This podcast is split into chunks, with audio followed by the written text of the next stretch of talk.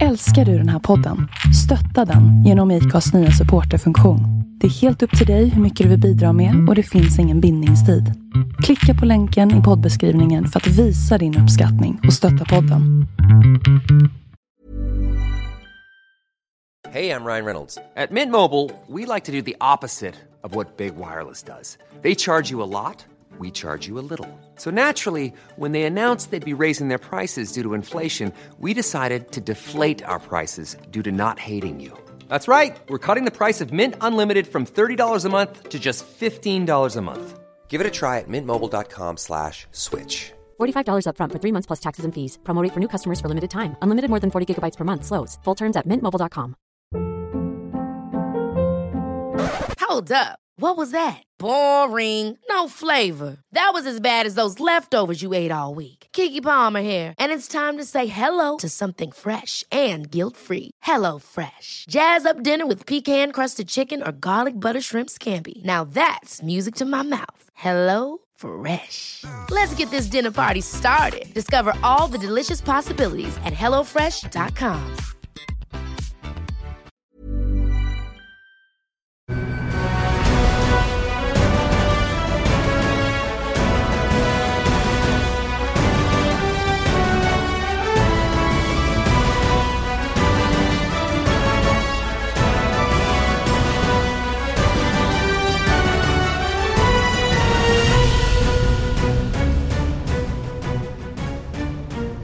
välkomna till MotoGP-podden med eh, Lion och Mårtensson. Det är den elfte podden i ordningen och eh, vi går in i sluttampen utav en riktigt spännande MotoGP-säsong. Och Andreas, efter eh, ännu en helg med regnstörningar, med oväntade utgångar utav race. Hur, hur mår du egentligen efter att ha vilat nu i två veckor? Jo då, jag mår alldeles ypperligt faktiskt. Det har varit en bra vecka tycker jag. Hur har det varit själv? Det har varit bra, intensivt och jag är, jag är väldigt spänd över eh, speedway-slutspelet som pågår just nu med, eh, med Rospiggarna och Vetlanda och ja, vad som händer där. Ja just det, du jobbar lite extra där på uppe på live-kommentering, är det inte så? Jo, det är det och förra året blev de ju svenska mästare där Rospiggarna men det ser mörkt ut i år att ta sig till final. Vilka möter de? Elit, Vetlanda? Elit Vetlanda där och eh, redan SM-klara eller finalklara är Smederna. Och Det är min hemstad så att jag har... eh, Det hade ju varit en eh, fantastisk eh, final mellan just Smederna och Rospiggarna men jag tror inte det blir av nu. Eskilstuna, är det så? Mm. Mm. Ja, de mötte ju Lejonen i Rospiggen också. Det är ju min hemstad, Gislaved. Ja, men de men... fick ju stryk va? Var det Ja, så? jo, det var ju så. Lejonen blev ju ifrånåkta där. Så att... Illa, Eh, illa, illa. ja. Nej, jag håller lite på Rospiggarna i och med att du jobbar där. Så att jag hoppas att du får jobba lite till. För du jobbar ju inte så mycket annars med speedway heller och MotoGP och... nej, och nu i helgen är det dessutom speedway GP-helg också. Men det blir kul. Det blir kul. Det är ju hemmarace, eller det är ju på Friends Arena. Mm. Och du, eh, får, då får du chans att uppleva det på riktigt. Mm, så blir det kul att få sitta på läktaren.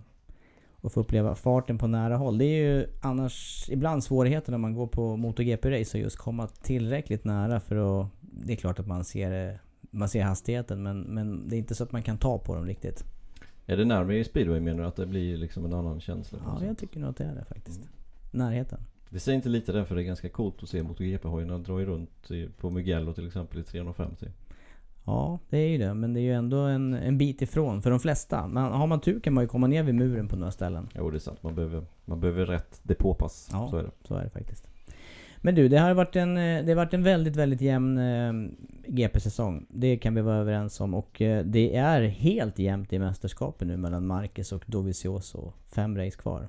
Helt otroligt. Två olika märken. Dovi som eh, verkligen har ryckt upp sig den här säsongen. Gjort bra resultat. Och så Marcus då med lite för många nollor kanske egentligen mot vad man borde ha. Eh, och nu har de exakt lika poäng. Och sen så är Vinales bara några poäng bakom. Så det är helt, eh, helt fantastiskt mästerskap återigen. Historiskt låga poäng. Men det gör ju också att de tar poäng från varandra. Och du säger också att det har varit en hel del misstag då från eh, enstaka förare. Och även maskinproblem var det för Marquez på, på Silverstone. Ja exakt. Marcus har ju kraschat ur i två racehelger och så ett motorhaveri dessutom. Tre nollor. Det är ganska mycket. Och ändå kunna vara i mästerskapsledning. Ja. De har lika många segrar, eh, Marquez och eh, Dovizioso. Och pallen senast, då var det Marquez och sen var det Petrucci före Dovizioso.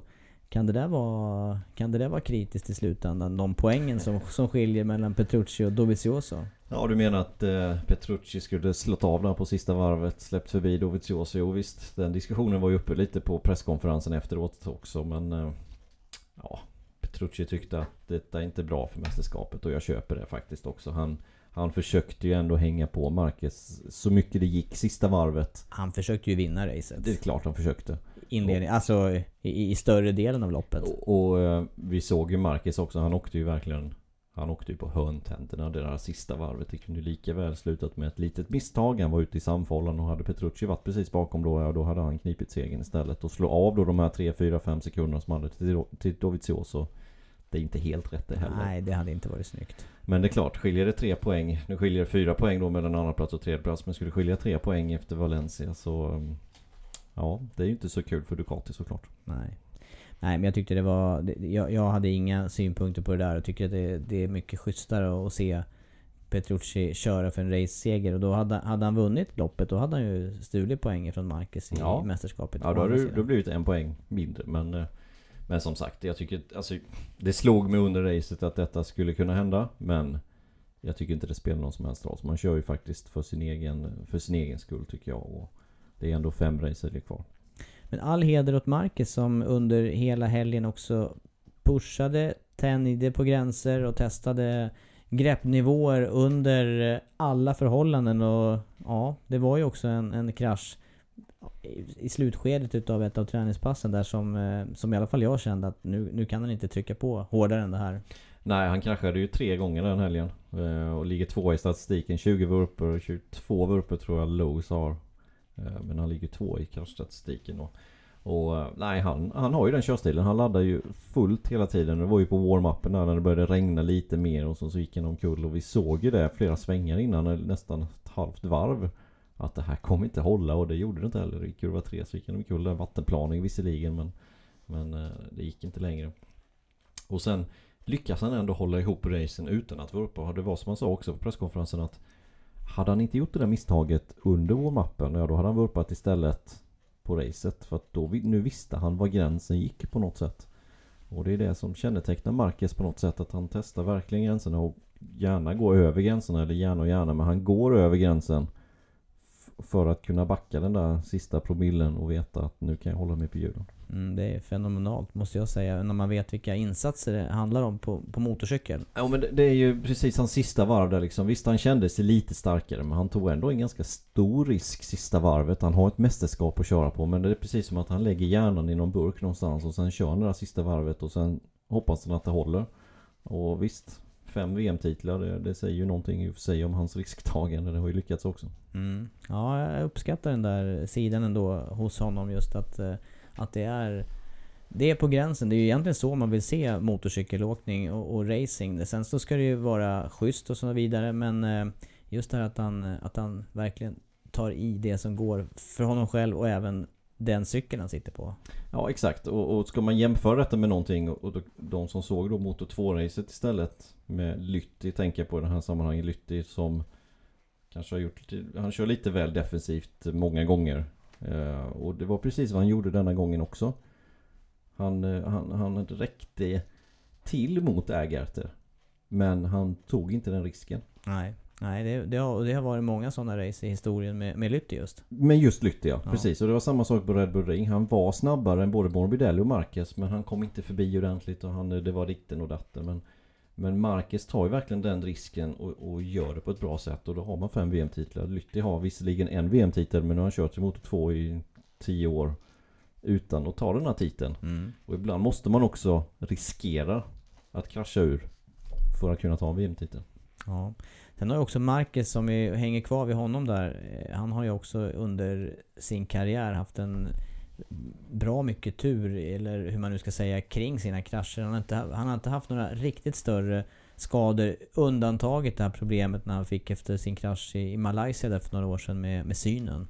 Nej exakt. Den, den kunde ju sluta... Det hade ju kunnat sluta Ja, hans karriär. Ja exakt, där kunde hans karriär tagit slut i Moto 2. Han höll ju på att vinna det mästerskapet. Det var ju Bradel som vann det året istället när inte Marcus kunde vara med de två sista racen. Men, men där kunde hans karriär tagit slut, absolut. Så är det. Ja. Men visst har han haft tur. Alltså, titta bara på Mugello, hans debutsäsong 2013. Han kraschade i 200, 300 plus någonting i slutet på raken. Och kör racet Mm. dagen efter. Ja, lite svullen på hakan. Ja, jo, han har lite skrapmärken där. Det var ju väldigt synd om honom. Men alltså... Det, det, han, har, han har ju flyt i sina krascher, det går inte att säga någonting annat. Vi har ju konstaterat i alla fall att eh, krascher, misstag, det är det som kan komma att avgöra i slutändan. Och en som har drabbats utav det eh, utanför banan dock, det, är ju, det var ju hemmaföraren eh, Valentino Rossi som inte kunde vara med på Misano. Och han, det var ju lite... Utifrån kan man ju tycka att det låter lite taffligt där och stå på öronen i en enduro-olycka i några kilometer i timmen. Om det var så det gick till fullt ut. Ja, nej, men det, jag håller med om det. Jag, jag mm, köper det resonemanget. Jag tycker dock inte att man kan förbjuda en MotoGP-förare att köra motorcykel. Och det var vi inne på i förra podden också, varit under, under våra sändningar också. Att man måste få köra motorcykel, man måste få träna. Eh, Men så som den gick till i detta fallet nu som har kommit fram efteråt så var det väl väldigt onödigt, får jag uttrycka det milt. Ja, för det där, just den där typen utav eh, körning. Om, det nu inte, om man inte pushar gränserna då, då ger det inte särskilt mycket i, eh, i, i slutändan i effekt på banan i fart kan jag inte tänka mig. Nej, nej, nej, jag håller med om det. Bara köra runt motorcykel på gatan eller liksom vad man nu gör för någonting. Det är ingenting eh, att man blir en bättre förare. Utan man måste pusha sig hela tiden för att bli en bättre förare. Och det verkar inte vara det fallet som de var ute för nu då när, när Rossi skadade sig till exempel. Men det resulterade i alla fall i att eh, underbenet gick av. Båda, både vadben och skenben. Och eh, så genomgick Rossi en operation för det här. Och eh, nu är det så att han, eh, han har bestämt sig för att prova den här racehelgen. Och det är ju åtminstone en racehelg tidigare än vad jag någonsin kunde drömma om utifrån. Ja, jag också. 20 dagar, 21 dagar, ungefär tre veckor. Imorgon då, fredag, så är det tre veckor sedan han opererade. Så nu ska han köra motorcykel igen, tre veckor senare. Det, det, ja, det, är, det är helt otroligt. Ja, och då Faktiskt. har han redan kört lite motorcykel på Misano där, däremellan. Ja exakt, han har testat det här tidigare i veckan nu och, och kört några varv, två dagar till och med på sin Ja en R1 som man, som man kan träna med där istället och Nej helt otroligt och, men, men det, det tyder också på att det var ett Just förhållandevis snällt benbrott som de kunde fixa på ett bra sätt. Han sa ju det själv också att Att han hade betydligt mindre ont dagarna efter operationen denna gången än vad han hade förra gången När han bröt det på Mugello 2010 Eh, och han har ju brutit det benet innan så han vet hur det känns. Så han har någonting att jämföra med. Den gången var han ju borta i 42 dagar tror jag det var. Ja. Denna gången så ska han köra motorcykel efter hälften av de dagarna. 21 dagar och det, det är helt otroligt.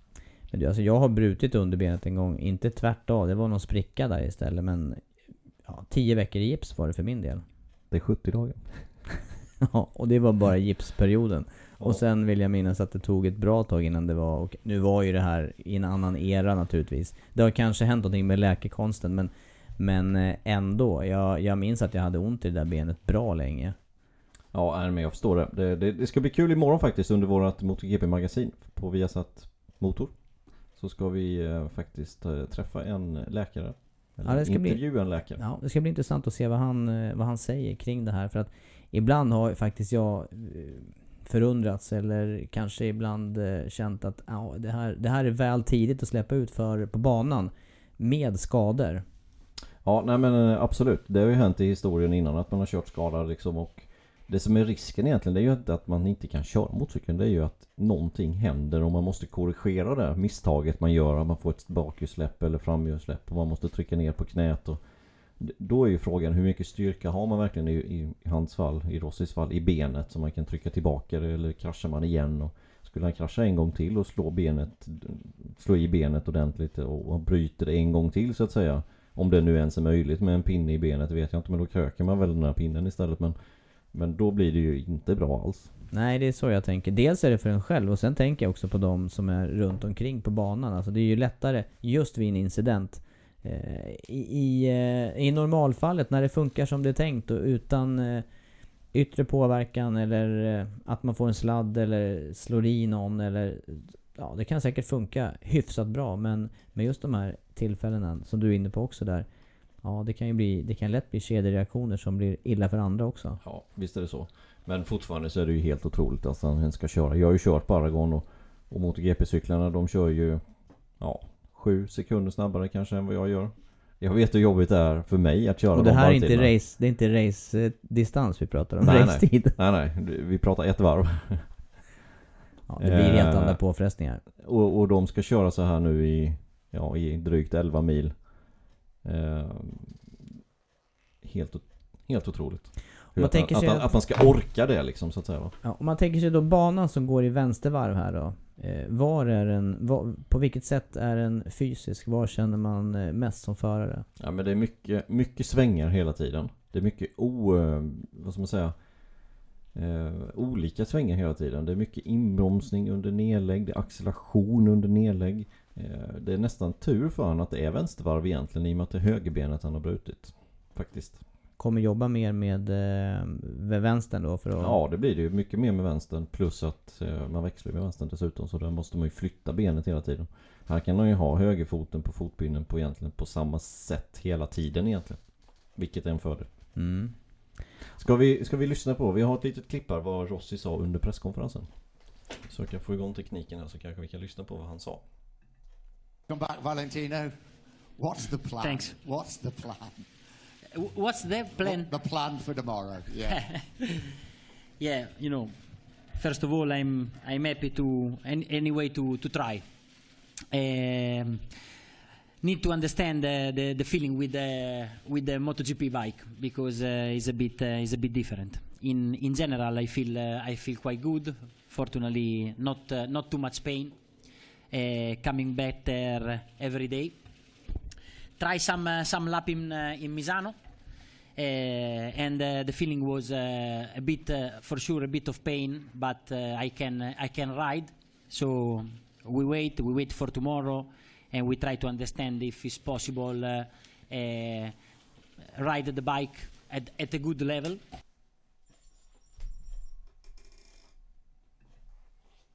Ja, först verkar han inte ens eh, förstå frågan. Vad då planen? Jag ska köra motorcykel. Ja, ja nej, men visst. Det, det ska han. Vi får se hur det kommer gå. Jag, jag, eh, jag är inte förvånad om man kör hela helgen. Men jag är heller inte förvånad om man inte kör hela helgen. Nej, och det finns ju en plan B här för Yamahas del. Nu, nu måste man ersätta Rossi om det, om det är så att han inte kan fullfölja. Och klar reserv, det är ju holländaren Michael van der Mark i det här fallet. Ja, så är det. Det finns en regel som säger att teamen måste ersätta en förare eh, inom 10 dagar.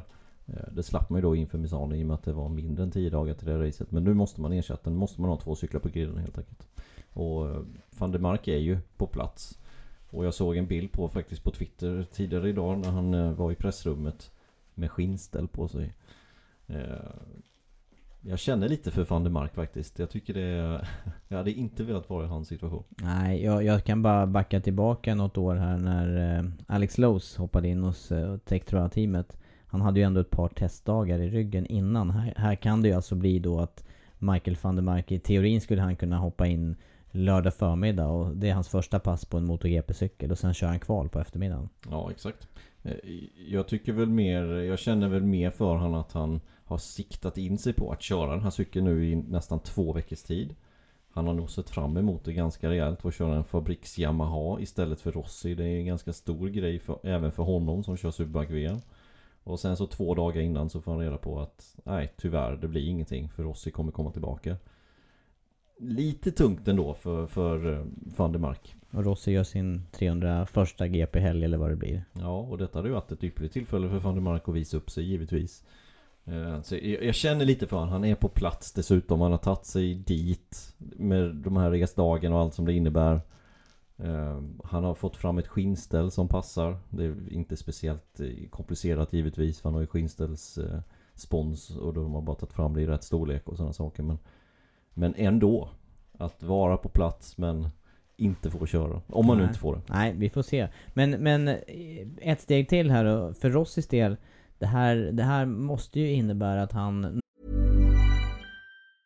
A lot can happen in the next three years. Like a chatbot may be your new best friend. But what won't change? Needing health insurance. United Healthcare Tri Term Medical Plans are available for these changing times. Underwritten by Golden Rule Insurance Company, they offer budget-friendly, flexible coverage for people who are in between jobs or missed open enrollment. The plans last nearly three years in some states, with access to a nationwide network of doctors and hospitals. So for whatever tomorrow brings, United Healthcare Tri-Term Medical Plans may be for you. Learn more at uh1.com. Hey, I'm Ryan Reynolds. At Mint Mobile, we like to do the opposite of what Big Wireless does. They charge you a lot, we charge you a little. So naturally, when they announced they'd be raising their prices due to inflation, we decided to deflate our prices due to not hating you. That's right. We're cutting the price of Mint Unlimited from $30 a month to just $15 a month. Give it a try at mintmobile.com slash switch. $45 upfront for three months plus taxes and fees. Promo rate for new customers for limited time. Unlimited more than 40 gigabytes per month. Slows. Full terms at mintmobile.com. I'm Sandra, and I'm just the professional your small business was looking for. But you didn't hire me because you didn't use LinkedIn jobs. LinkedIn has professionals you can't find anywhere else, including those who aren't actively looking for a new job but might be open to the perfect role, like me. In a given month, over 70% of LinkedIn users don't visit other leading job sites. So if you're not looking on LinkedIn, you'll miss out on great candidates like Sandra. Start hiring professionals like a professional. Post your free job on linkedin.com slash achieve today. Någonstans i bakhuvudet har en känsla av att den här säsongen, säsongen är fortfarande så pass jämn och så pass eh, oförutsägbar så att, eh, att han är här i, i Spanien nu kan eh, innebära att eh, han, han har ändå inte gett upp eh, hoppet om en eventuell VM-titel. Nej, jag, jag ser inga andra alternativ till varför han, in, alltså varför han är här. Om det inte vore för att han har, tror att han har en chans på VM-titeln. Det skulle möjligtvis vara då för att göra cykeln lite bättre för att kunna vara med ännu bättre under de här OVCsen som kommer och i förlängningen också för säsongstester för nästa år. Men jag, kan fort, jag, jag tror fortfarande att han har en, en tanke om mästerskapet. Och vad är luckan? 42 poäng till Rossi ungefär? Ja, Eller 42. Exakt. 42 ja, 42 exakt. poäng. Eh, Efter två race i början på den här säsongen så ledde Vinales mästerskapet, om vi nu jämför ner till Marquez, med 37 poäng. Mm. Och Marcus är nu eh, 16 poäng före Vinales. Men hur många race tog det för Vinales, Marcus att komma ikapp där? Och det var... Ja visst, det, det kan vara... Som det, som det har sett ut i år så har det ju varit stolpe in och stolpe ut och helt utanför för vissa och, och självmål på andra och det har ju verkligen varit... Det, det, det är ett misstag så det, kan, kan det vara 25 poäng. Eh, och sen så vinna något race och hit och dit. Alltså ingenting är klart förrän det är klart. Det är det, är det som är grejen med motorcykelsport. Och, och eh, det man får sikta på i Rossis fall det är ju att ligga under med mindre än 25 poäng när vi går till när vi kommer till finalen. För då har man ju chansen fortfarande. Då ska det avgöras i finalen. Och man vet ju inte. Står det mellan eh, Dovizioso och Marquez och de går ihop i första svängen. Ja då är det ju upplagt. Mm. Så att allt kan hända. Ja, ja, vi såg ju Formel 1 här i Singapore senast där det var stort manfall redan innan första sväng. De kom ju 150 meter så var det slut för tre utav dem. Eller fyra utav dem inklusive Alonso som blev meddragen där. Ja, absolut. Ja, det är eh, i alla fall en spännande helg att se fram emot. Men, men vidare här med, med, med krascher och skador och så också då. Vi, vi har en, eh, en eh, kalender som nästa år eh, kommer att utökas med en racehelg. Det kommer att bli eh, 19 race. Eh, Thailand tillkommer. Och eh, förändringen där, det är också så att då blir det kortare uppehåll. Det blir i alla fall inget längre sommaruppehåll. Eh, hur ser du på det? Nej, det, det kommer bli en tuff säsong för förarna och teamen nästa år. Eh, I år hade vi ändå var det fyra helger som vi hade ledigt på sommaren. Nästa, nästa år så blir det två helger ledigt. Eh, och det är det sommaruppehållet som förarna har. Sen blir det ingenting mer utan sen är det en vecka, maximalt två veckor mellan racen. Och eh, med tanke just på skadorna har man ingen Man har helt enkelt inte tid att återhämta sig och skada sig. Det är, man får ha, ge skjutsingen i att skada sig helt enkelt. Och det, det är det som är lite skillnaden här känner jag. Vad känner du med, jämfört med bilsport till exempel? Ja, jag tänker precis så. Vi har ju många år nu sett en ganska så Ganska så lång lista på förare som eh, opererar sig under vintern eller egentligen direkt när säsongen är över och, och första testet också gjort i Valencia. Sen är det operationsbordet för många för att ta ut eh, metall eller justera till sånt som man inte har hunnit under säsongen. Och jag tycker egentligen att det, det är Ja, det pressar det lite väl hårt om man nu ska tänka sig att man har med alla förare eller ger alla förare möjlighet att köra fulla säsonger. Mm. Sen så till 2019 då kommer vi få 20 race istället när också Kymering tillkommer på Finland. Mm. Ja, ja, ja, det blir... Och sen pratas det även om tight. Indonesien har ju också någon bana här nu som de vill att MotoGP ska köra på. Då kanske det blir till och med 21 race om inte någon annan faller bort då. Mm. Kanske, kanske ett av de fyra Spanien-loppen. Ja, jo det, det kan man ju tycka. Jag, jag har ju sett den kritiken och det kan man ju ha kritik på att ett eh, spanskt företag som Dorna är och så lägger man fyra race i Spanien. Eh, är det verkligen ett världsmästerskap? Vad tycker du? Jag tycker att det är lite kantring. Men samtidigt så är det väldigt många förare som är från Spanien och som är tillräckligt snabba. Så att eh, än, men- så, än så länge kanske det finns eh, motiv för det. Men eh, ju fler matarserier som börjar tillföra förare från andra världsdelar så finns det ju större och större anledning tycker jag att sprida på det. Absolut, men, men vi måste också se för det Man kan ju inte bara köra någonstans för att köra någonstans. Man ska ju ha en bana att köra på också. Och de fyra banorna vi kör på i Spanien de är ju i princip toppklassanläggningar allihopa. Ja, så är det. Alltså Så det. Aragon vi ska till nu, den är ju inte nybyggd men det var inte många år sedan den byggdes. Det är ju en fantastisk anläggning. Barcelona är ju en fantastisk anläggning även fast förarna gnäller på utbeläggningen. Men det är ju en jättefin anläggning. Jerez, likaså där. Superfin bana. Och sen har vi Valencia dessutom som, som kanske är lite... Eh, vad ska man säga om den då? Den är, den är ganska tight jämfört med de andra banorna. Jo, Men det är ju en, är en ypperlig finalbana i och med att man ser hela varvet. Mm, det är- en fantastisk publikbana. Det är nästan lite Colosseum-känsla där med att eh, det är läktare i princip runt hela varvet. Ja, exakt. Eh, och är det något race jag hade velat vara på i historien så är det nog finalen 2015 tror jag när det skulle avgöras där med Rossi och, och Lorenzo. Vet- Var du på plats då? Är det minnet som sviker? Minneslucka. Jag är osäker faktiskt. Jag, Ja, men tror, jag- jag... tror inte det. Var det inte det? Ja, ja, ja kanske. Ja, Jag ja, tror det här var får jag på kolla plats. upp. Jag tror det. Jag får kolla upp. Det, är två, det, det kan låta konstigt. Men eh, om, ni som hörde det här från start hör ju att det ibland är rätt hektiskt i mitt liv. Många programpunkter. Ja. Det är få lugna stunder. Ja men så är det. Men, men eh, det är en fantastisk bana att ha finalen på tycker jag. Det tycker jag är helt rätt. I och med att man ser hela banan från läktarplats. Och det är riktigt, riktigt kul med Valencia. Sen är det en ganska tight bana, det är den. Men den är ju fortfarande en väldigt fin anläggning. Det går inte att säga någonting annat. Det finns ju betydligt sämre anläggningar på kalendern än någon av de fyra spanska banorna. Ja, så är det. Men du, det här med eh, nästa helg då med, eh, eller den här helgen blir det ju, eh, om vi ska benämna det korrekt då, med, med Motorland Aragon. Där eh, det är eh, fem race kvar på säsongen.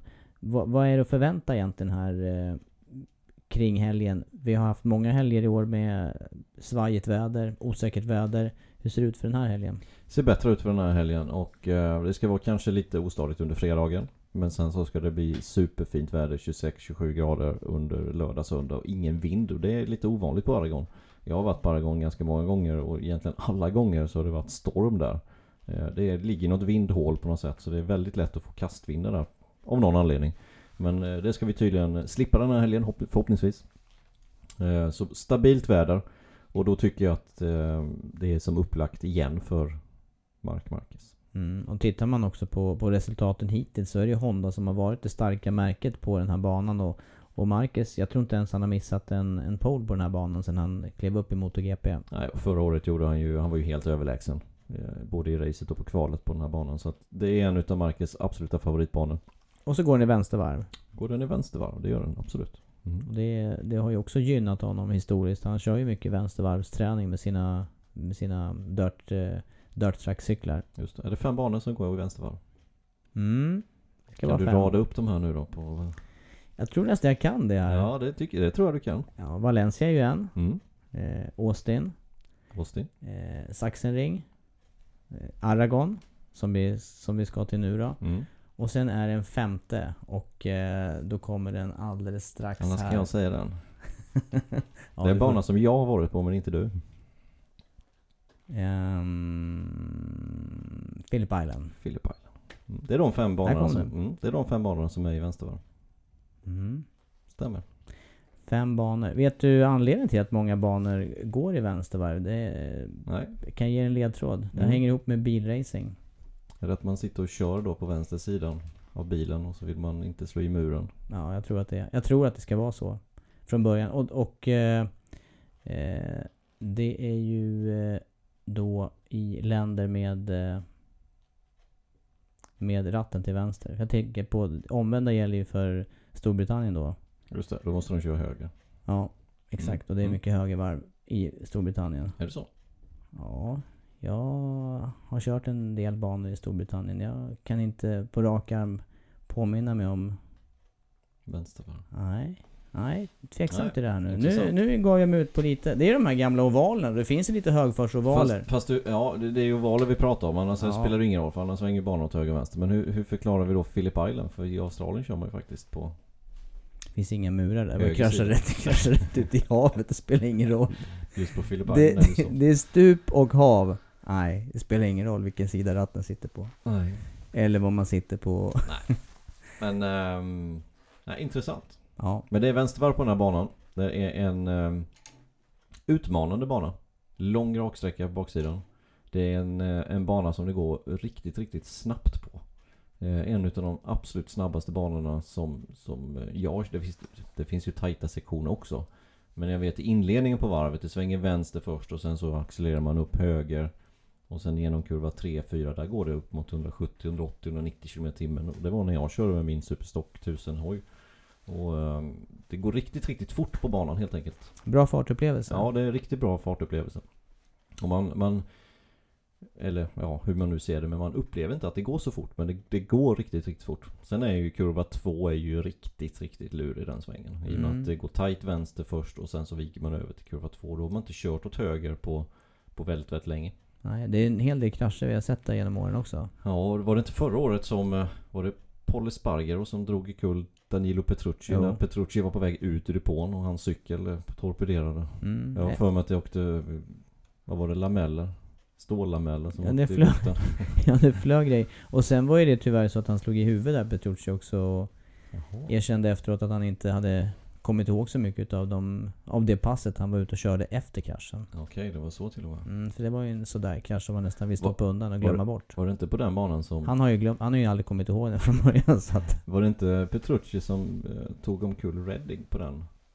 Teamkompisen Redding. Ja, kan det vara? Är den där... eh, i- Ja, kanske. Korkskruven. Kanske, kanske. Nej men, Nej, en, men nu- intress- en intressant eh, bansträckning är det. Absolut. Ja, och eh, du säger det med hastigheten här och det, det har ju eh, tidigare gynnat eh, Ducati. Men eh, vi vet också att under den här säsongen så har både Honda och Yamaha jobbat väldigt mycket med att få till fart ut ur svängarna och, och kunna matcha Ducaterna i acceleration och toppfart här. Ja, alltså denna säsongen har ju varit nästan, alltså så konstig om man säger så jämfört med vad man tror att vissa märken ska vara starkare respektive svagare. Så att jag vågar inte säga att detta är en Honda, Ducati eller Yamaha-bana utan det här är en Det här är en eh, Marcus-bana. Mm, så och- tror jag den här helgen. Jag tror att det blir Marcus show faktiskt. Och då, är- och då leder det in oss egentligen på den eh, tippning som vi har gjort några gånger nu också. Ja, Eller står- du kan få utveckla. Jag, har, jag lyssnade inte klart på det. Du kanske hade mer att säga om Marcus show innan? Nej men jag, jag- tror faktiskt att eh, Mar- Marcus har sett stark ut genom åren här. Han är i ett väldigt, väldigt bra slag. Starkt slag i mästerskapet just nu. Eh, senaste 4, 5, 6 racehelgerna så har han eh, har varit riktigt, riktigt stark. Det går inte att säga någonting annat. Även fast Dovizioso vann i, i Österrike så har Marquez visat en väldigt, väldigt god fart. Sen vet vi inte vad Dovizioso kan prestera. Det ska bli intressant att följa. Förra året startade han fyra. Och de gjorde någon, eh, någon eh, generaländring på hans Ducati till den här racehelgen förra året. Vilket har gynnat honom. Han har ju tagit fem segrar sedan dess. Så att någonting har ju blivit till det bättre. Eh, så Dovizioso blir spännande att se vad vi har honom. Mm. Och sen... Det, ja, det är ju samma namn som, som är intressanta. Det är ju toppnamnen här. Eh, Vinales som vi egentligen inte har nämnt alls här nu. Han, han gjorde ju faktiskt ett riktigt bra regnrace med hans mått mätt senast i Italien. Ja det gjorde han. Han eh, fick till regnsetappen på ett bra sätt. Slutade fyra väl Vinales. Och stod i pole. Ja, dessutom. Ehm, och förra året på Aragon med Suzuki så ledde han bra många varv inledning på racet. Så att detta är också en bana som passar honom. Absolut, som han, som han trivs på. Och det är ju en spansk bana, det är Aragon. Eh, och de är från detta området, både, både Marquez och Vinales. Så det är ju egentligen ett hemmarace. Mm. Dessutom.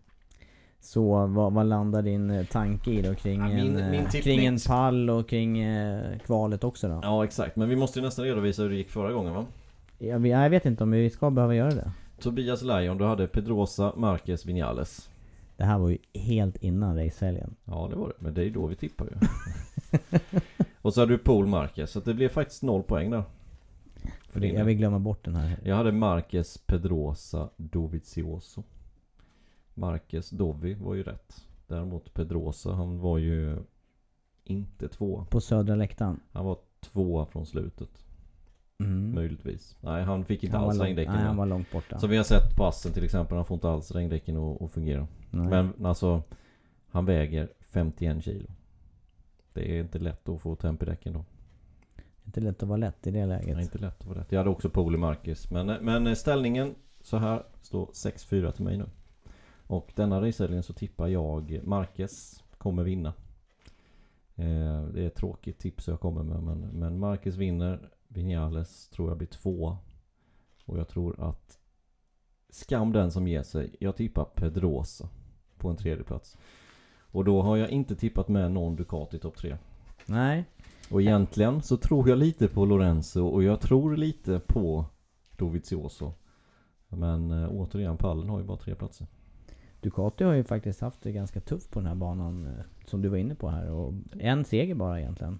Mm, ja, men å andra sidan så... Har det hänt en hel del med Ducatin? De hade en seger under hela förra året, nu har de Mm. fyra. Ja. Så att... Jag tror inte vi kan säga så heller. Jag tror att, jag tror att Dovi kommer vara med. Jag tror att Lorenzo kommer vara med också. Inte förvånad om Lorenzo skulle leda eh, några varv det här racet heller. Eh, sen så tror jag väl att de tre som jag precis sa, jag tror de är lite starka. Mm. Jag, har, eh, jag har tänkt eh, i seger högst upp på pallen och sen jag har tagit med Dovizioso och Vinales. Och då är det en ordning som de, som de är i mästerskapet. Etta, Mm. tvåa, trea. Och det har ju mer och mer utkristalliserat sig de senaste racehelgerna att eh, det är de som är konstant med i toppen utav racen. Rossi kommer inte räcka till med, med sitt ben om han ens kan fullfölja hela helgen. Och... Eh, Ja, Vad, vad tror du om det då? Vad, vad tror du Rossi kommer... Säg att han kör hela racehelgen. Vad kommer han sluta på? Vilken plats? Jag tror han kommer vara någonstans åtta. Åtta. Mm. Ja, det, jag, jag känner det fullt rimligt för att vi har sagt topp tre. Och utöver det i mitt tips har jag både Lorenzo och Dovizioso och Petrucci. Som jag ser kommer slå Rossi. Mm. Kanske Crutchlow också. Kans, ja exakt, Crutchlow. Mm. Ja, åt, runt åtta. Ja, där är vi runt åttonde plats, stämmer det. Pole position. Pole eh, igen där, det är ju också... Det, det är Marquez. Jag har, svårt att, jag har svårt att sätta någonting emot det faktiskt. Både med hans eh, förmåga att pusha gränser och hans eh, statistik på den här banan som, som talar sitt tydliga språk. Med, med fyra raka pole redan. Ja, och jag tippar likadant. Det går inte att säga emot den tippningen känner jag. Utan det, det är någonting som skulle... Ja, det som hindrar honom från pole position det tror jag är ungefär det som han gjorde i Misano och kraschade på sitt, på sitt snabbaste varv. Men eh, jag har sett också Marquez i pole position. Förra året hade han pole position med över en halv sekund på den här banan. Mm. Så Ja, racehelg eh, igen alltså. Den 14 för säsongen och eh, vi kommer att synas och höras på Viasat Motor under hela helgen. Även på Viaplay naturligtvis. Och sen håller ni även utkik då på viasatsport.se för MotoGP Magasin då med, med ett intressant samtal kring det här med skador. Då med en eh, läkare. Eh, och eh, höra hans syn på hur man ser på på en sån här tidig comeback som, som Rossi gör ändå den här helgen. Ja, mycket att vänta och en spännande fortsättning på säsongen där det är helt jämnt i mästerskapet då med Marquez och Dovizioso i delad VM-ledning eller på samma poängställning. Ja Andreas, vi rundar av den här eh, podden helt enkelt. Ja, vi gör det. Vi ses i helgen.